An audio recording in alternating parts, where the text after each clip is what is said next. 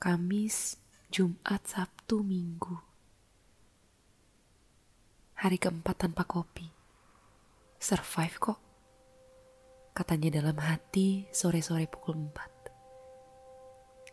Hari ini ia minum teh langka dan makan di restoran Cina bersama orang yang ia sayang.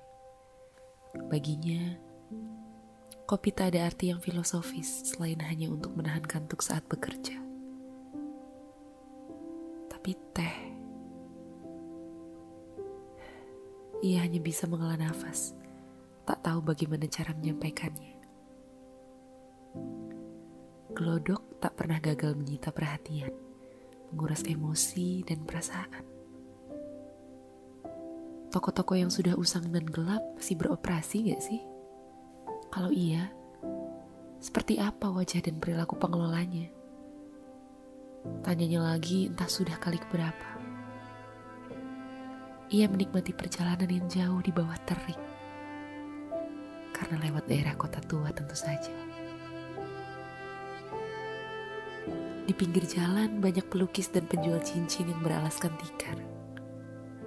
Aduh, hatinya nyeri, kesal, tapi juga tenang. Menurutnya tahun-tahun belakangan ini, sesama hanya peduli paras dan uang. Padahal ia kerdil di Jakarta, di dunia. Lagi-lagi ia lupa, semua orang punya kehidupan sendiri-sendiri, sedalam-dalamnya.